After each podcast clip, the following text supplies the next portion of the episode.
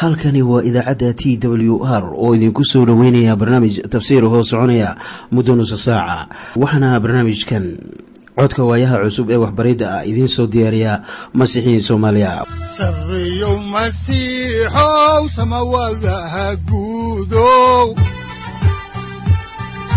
Siraadkii adduunkow subanaha eebow sareyow masiixow samawadaha guudow siraadkii adduunkow subanaha eebow adigoo samada jiro ifkaan soo saldhiganba adigoo samada jiro ifkaan soo saldhiganba kutubtiisanaye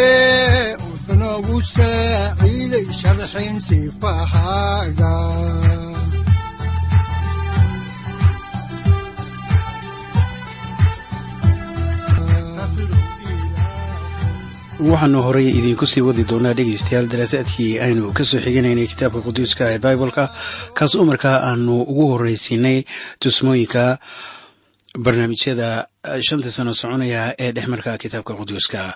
Haddaba waxaanu taxanahaas aanu ku faaqidi doonaa cilmiga kitaabka caanka ee loo yaqaano bibaleka oo xigmadda ku aasan aanay tirsi lahayn. Balse intaa aynaan arrinka idiin sharaxin aynu dhegeysano qasaa'ida ay noogu luuqayaan culimada soomaaliya oo weliba masiixiina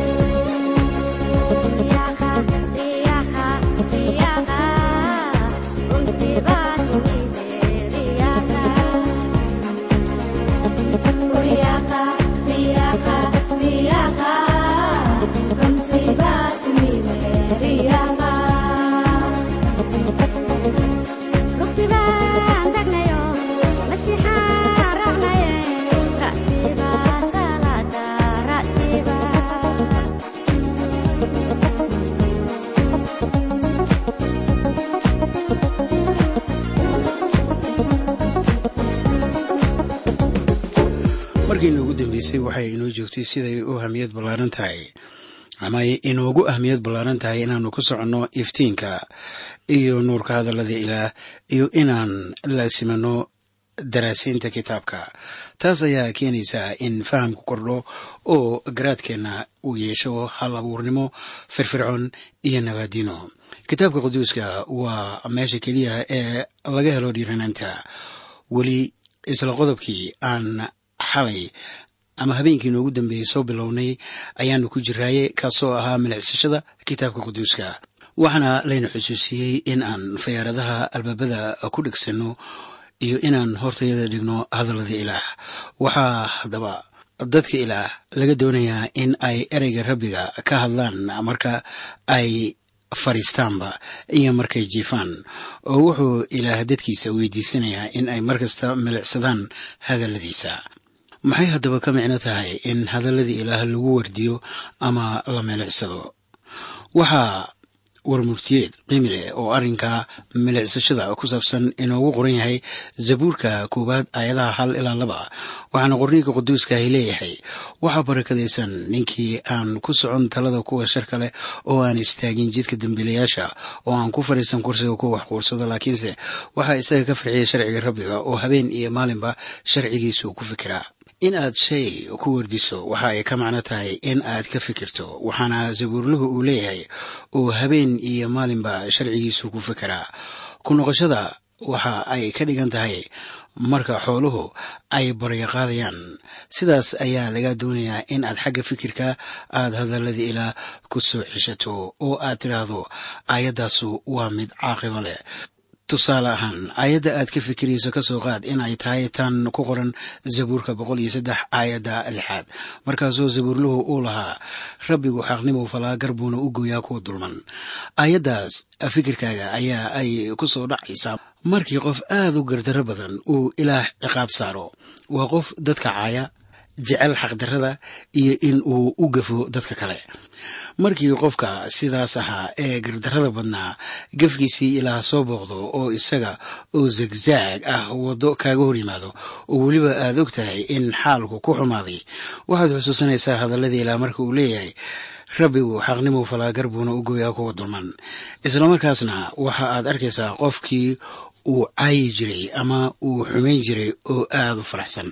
Markaasaad leedahay war ninkii dhibka badnaa ee guryaha kaa dhacay ee kuu dhaaranayay ma lagaa reebay. Markaasuu qofkii laga gardarnaa kugu leeyahay ha niihow ilaah baa balaayo ku riday oo dadkii oo dhan ayaa xaqa u hiiliyey isagiina jiro iyo cudurban ayaa ku dhacay oo wiilal badan oo uu ku faani jirayna balaayaa ku dhacday haddaba ilaah maahan sida dad ama aadami qoomameeya mar kasta cadaaladda ayaa uu dadka hortooda ku samaynaya hadalladii ilaah ayaana taa ka markhaati kacaya oo wax qarsoon maaha. Marka ka fekeridda hadalladii ilaah waa wax loo baahan yahay in ay inagu soo gaaxato oo maahan oo keliya in innaga cadaalad laynoo sameeyo laakiin waxa weeyaan inaan inaguna ilaah hortii cadaalad ku samayno waxaa hadalladii ilaah u ruugaysa sida dibiga ama loodu ay cooska u rugto oo welibana ay u baryaqaado habeenka oo dhan. Aniga iyo adigana fikir ahaan waa in hadalladii ilaah ay inagu laba kacdayaan oo inagu soo maaxdaan. Xiisad waliba ee aynu ku jirno. Mararka qaar noloshaada ayaa la imtixaamaya oo waxaa la eegaa waxa ilaah kuu sameeyey. Waxaanaad u fiirsanaysaa hadalladii addoonkii ilaah ee daa'uud ahaa markaasoo uu lahaa sida ku qoran zabuurka boqol iyo toddoba aayadda tobanaad. Dadku muu rabbiga ku ammaano wanaaggiisa iyo shuqulladiisa yaabka badan ee uu bani aadmiga u sameeyo. Marka wacdiyuhu diyaarsanayo haddaba khudbaddiisa ayaa wacdiyaha dadku ay jecel yihiin. Waxa lagu yaqaan in uu aayaddaas dhowr jeer ku noqdo isaga oo eegaya wixii mufasiriintii hore ay ka yidhaahdeen iyo sida dadka qaar ay u fahmeen iyo sida ay xaqiiq ahaan aayaddu tahay. Wuxuu kaloo eegayaa wacyigii markaa iyada ah ee aayaddu soo baxaysa taagnaa iyo turjumada tooska ah iyo tan dadbanba labadaba ugu dambeynta waxaa soo baxaya runta khuseysa qidcada aayaddaasi ka mid ka tahay. Tusaale ahaan wacdiyo weyn oo la oran jiray doctor ironside ayaa wax badan ka fiirsan jiray kitaabka uu doonayo inuu dadka baro. Waxaa laga qoray oo uu yidhi wakhti badan ayaan akhrinayay kitaabka gabayada ee sulaymaan. Markaasaan ilaah baryey buu yidhi inaan fahmo wuxuu yidhi ditoorku maalmo iyo bilo ayaan akhrinayay ilaa ugu dambayntii uu ilays iiga baxay kitaabka. Haddaba turjumada wadaadkaas weyn ayaanu raacnaa innaga qudhayada waayo waxa ay qancisay maanka iyo qalbiga markaan eegay turjumadaha kale ee aan maqlay ama arkay. Waxaanan ogahay in doctor ironside wakhti badan uu u horay khilaawada ama ka fikiridda hadallada ilaah.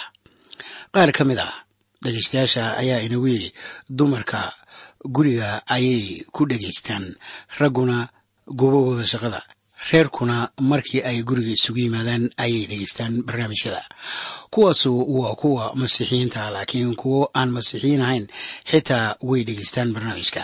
Haddaba taasi waxa ay ka dhigan tahay ka fikiridda hadallada haddaba imise idinka mid a ayaa kadib cibaadaysigooda ama markii ay hadalka maqleen kadib mar kale dib u soo gocday qidco ka mid a hadallada laydinku wacdiyey.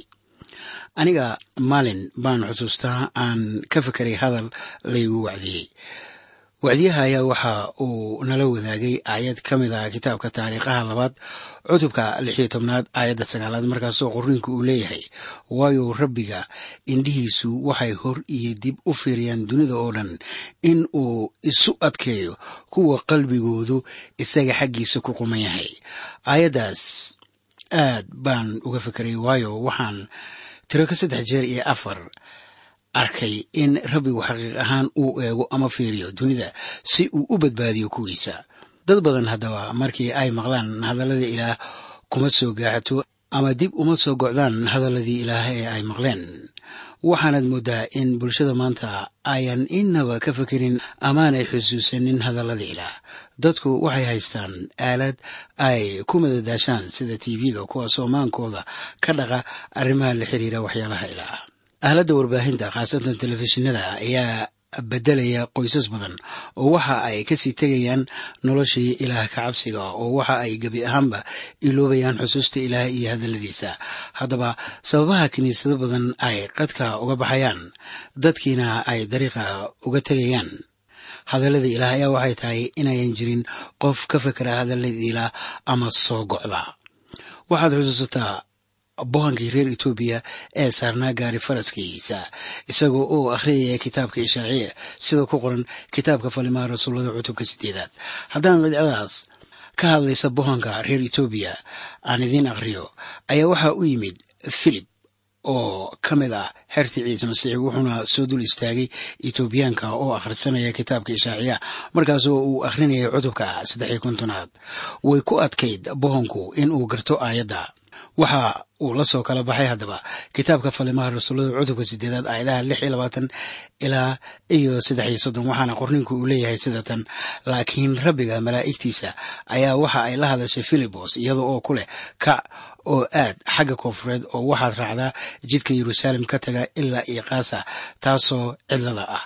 Wuuna u kacay oo aaday oo waxaana ku soo baxay nin bohan oo xabashi ah oo amar weyn ku hoos hayay kandhike boqoraddii xabashida wuuna u talin jiray maalkeeda oo dhan wuxuuna yeruusaalem u yimid inuu ilaah caabudo. Kolkuu ka soo noqonayay ayuu ku fadhiyey gaari faraska oo waxa uu akhriyey kitaabkii nebi isayos ruuxuna wuxuu filibos ku yidhi ku dhowow oo gaariga raac. Oo filibos markuu ku orday wuxuu maqlay isagoo akhriyaya kitaabkii nebi isayos wuxuuna ku yidhi ma garanaysaa waxa aad akhriyaysid kolkaasuu yidhi sidee baan ku garan karaa in laytoosiye mooyaane? Markaasuu filibos ka baryey in uu soo fuulo oo la fadhiisto. Haddaba meeshuu qorniga ka akhriyayey waa tan. Isaga sidii wan la qalayo baa loo kaxeeyey oo sidii laax ku aamusan. Ninka dhogorta ka xira hortiisa isagoo afkiisa ma uu furo. Intuu is-hoosaysiiyey baa gartiisii laga qaaday. Farcankiisii yaa sheegi doonaa.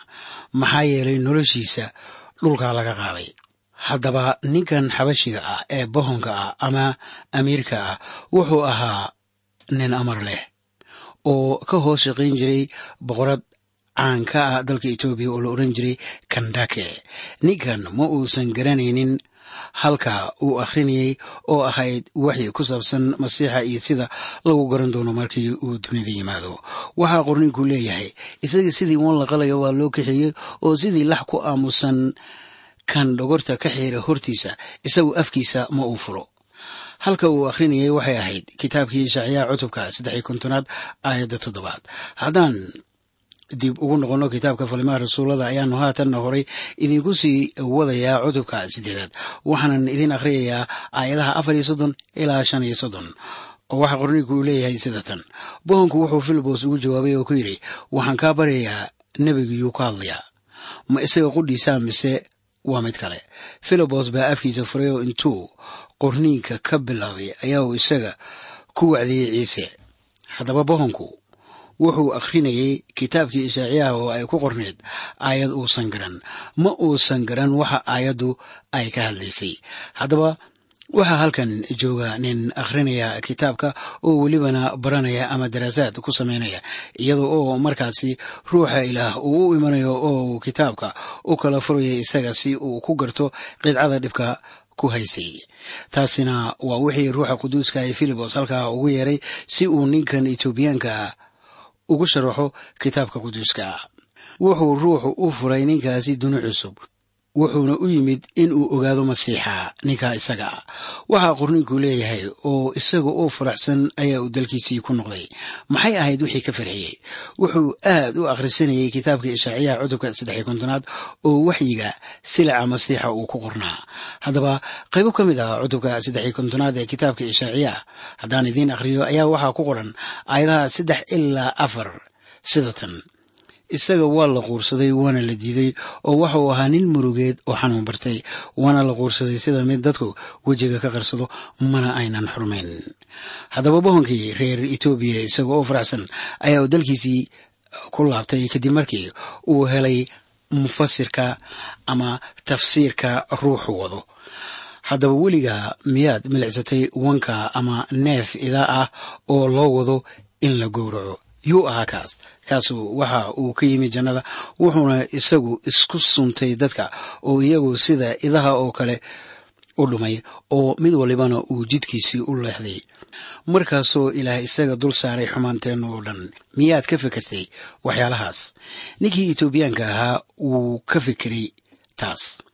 Haddaba dhacdadaas kadib cidi garan mayso wixii ninkii etoobiyaanka ahaa sameeyey laakiin qof waliba waxa ay la timid sheeko ama fasiraad iyadoo u gaara. Waxaa qiso dadku ay wada aaminsan yihiin ay leedahay.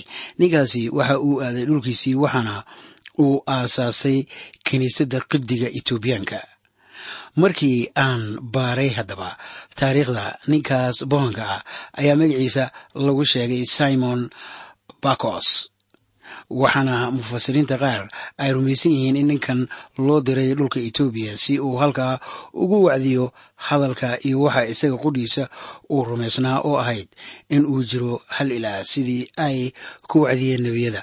Ha yeeshee weliba wiilkii ilaahaas uu aaminsanaa uu yimid isagoo loo yeelay jir bani aadannimo dunida kaasoo sida idal qalayo loo kaxaystay waxaa loo yaqaanaa ninkaas haddaba bakos markaad eegto hidaha iyo taariikhda kiniisadaha bariga waxaanay aaminsan yihiin inuu ahaa yuhuudi etoobiyaan ah magaca simoonkii lagu sheegay kitaabka falimaha rasuullada cutubka saddexiy tobnaad aayadda koowaad ayaa loogu yeeray simoonkii madooba waxaana haddaan idiin akhriyo ay aayaddu leedahay haddaba kiniisaddii antioch ku tiil waxaa joogay nebiyo iyo macallimiin kuwaasoo ahaa barnabas iyo simecoon oo la oran jiray niger iyo lukios oo reer kuranaya ah iyo mana'im oo la koray taliya herodos iyo saulos qorbo kale oo taariikhi ah oo laga qoray bohanka ayaa iyana lagu sheegay inuu ahaa sargaal xagga maaliyadda u qaabilsan aqalka boqortooyada kandake. Sida aynu ka soo akhrinay kitaabka falimaha rasuullada cutubka sideedaad aayadda toddobiyo labaatanaad. Taariikh qoraha lagu magacaabo hubad ayaa waxa uu leeyahay ninkani waxa uu ahaa nin koldhow masiixi noqday laakiin nin kale oo la yidhaahdo kisawu ayaa waxa uu leeyahay maye wuxuu ahaa nin ilaah ka cabsada waxaase ahmiyaddu ay ahayd in uu qaado injiilka oo la geeyo dunida meelaha ugu fog mase ahayn howl ay leeyihiin dadka aan yuhuudda ahayn. Haddaba hadal kale bohanku wuxuu ahaa nin qurumaha ka mid a. Marka qabiilkiisa iyo sida uu u egyahay la eego taasoo qofka akhristaha ah ka sii yaabinaysa. Waxaase runtu ay tahay in ninkani ka iman karo qabiilka nuubiga ee dega suudan ama qabaa'ilada kale laakiin haddana uu yahay nin afrikaana. Taariikh qorayaal kale ayaa waxa ay ka hadleen qabiilkiisa waxaana mid ka mid a raggaas taariikh qorayaasha ahi ee la yidhaahdo frank m. Snowden leeyahay. Qisadan etoobiyaanka waxa ay adkaynaysaa in masiixiyiintii hore ay ahaayeen dad furfuran oo soo dhoweeya qabaa'ilada kale. Etoobiyaankuna waxay ahaayeen dad isir ahaan ka duwan kuwii bariga dhexe ku noolaa waxaana doctor lucos uu isticmaalay bowanka inuu dadka u caddeeyo in badbaadadu ay gaarsiisan tahay etoobiyaanka iyo dadka madow. Haddaba injiilku male kala socnin oo maleh midgaan iyo tumaal iyo yaxar gob iyo dhalad caddaan iyo madow. Waa shay dadka oo dhan ay iska leeyihiin. Haddaba isla injiilkan ayaa waxa uu u furan yahay dadka soomaalida ah isla sidii uu etoobiyaankaba ugu furnaa boqolaal sannadood ka hor. Waxaa iska leh bani aadanka oo dhan ee ku nool dunida guudkeeda haddaan haddaba intaas ku soo okeyno barnaamijkeenii caawa ayaa waxaa aan ku daraynayaa in aad ka faa'iidaysateen barnaamijka. Oo welibana aad murti iyo xigmado noolna kala soo baxdeen. Habeenkii xiga ayaanu halkaa idiinka sii wadi doonaa barnaamijka. Haatanse aynu wada dhegeysano qasaa'ida ay noogu looqeeyaan hobolo masiixiyiina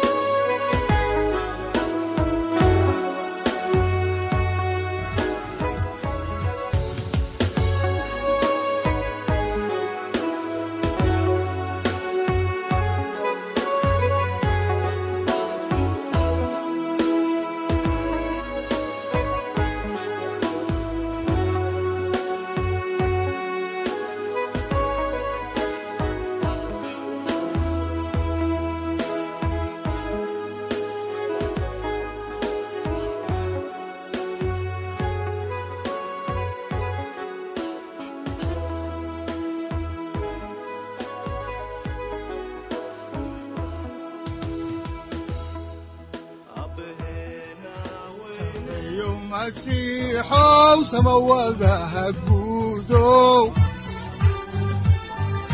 siraadkii adduunkow subanaha eebow adigoo samada jiro ifkan soo saldhiganba adigoo samada jiro ifkan soo saldhiganba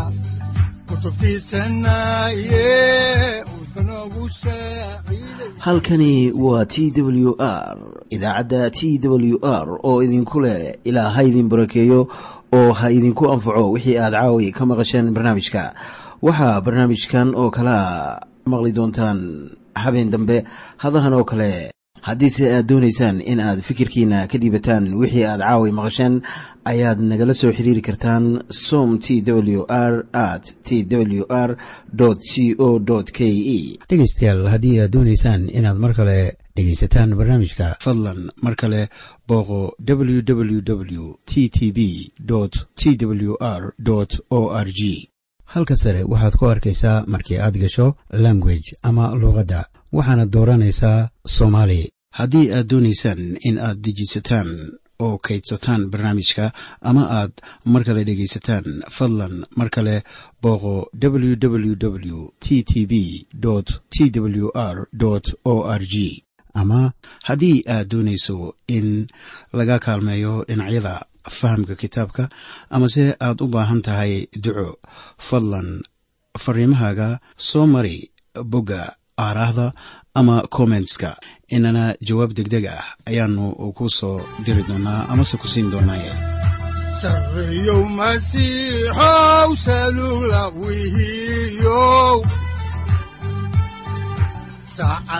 timid dhulka sabada ku dhalatiyo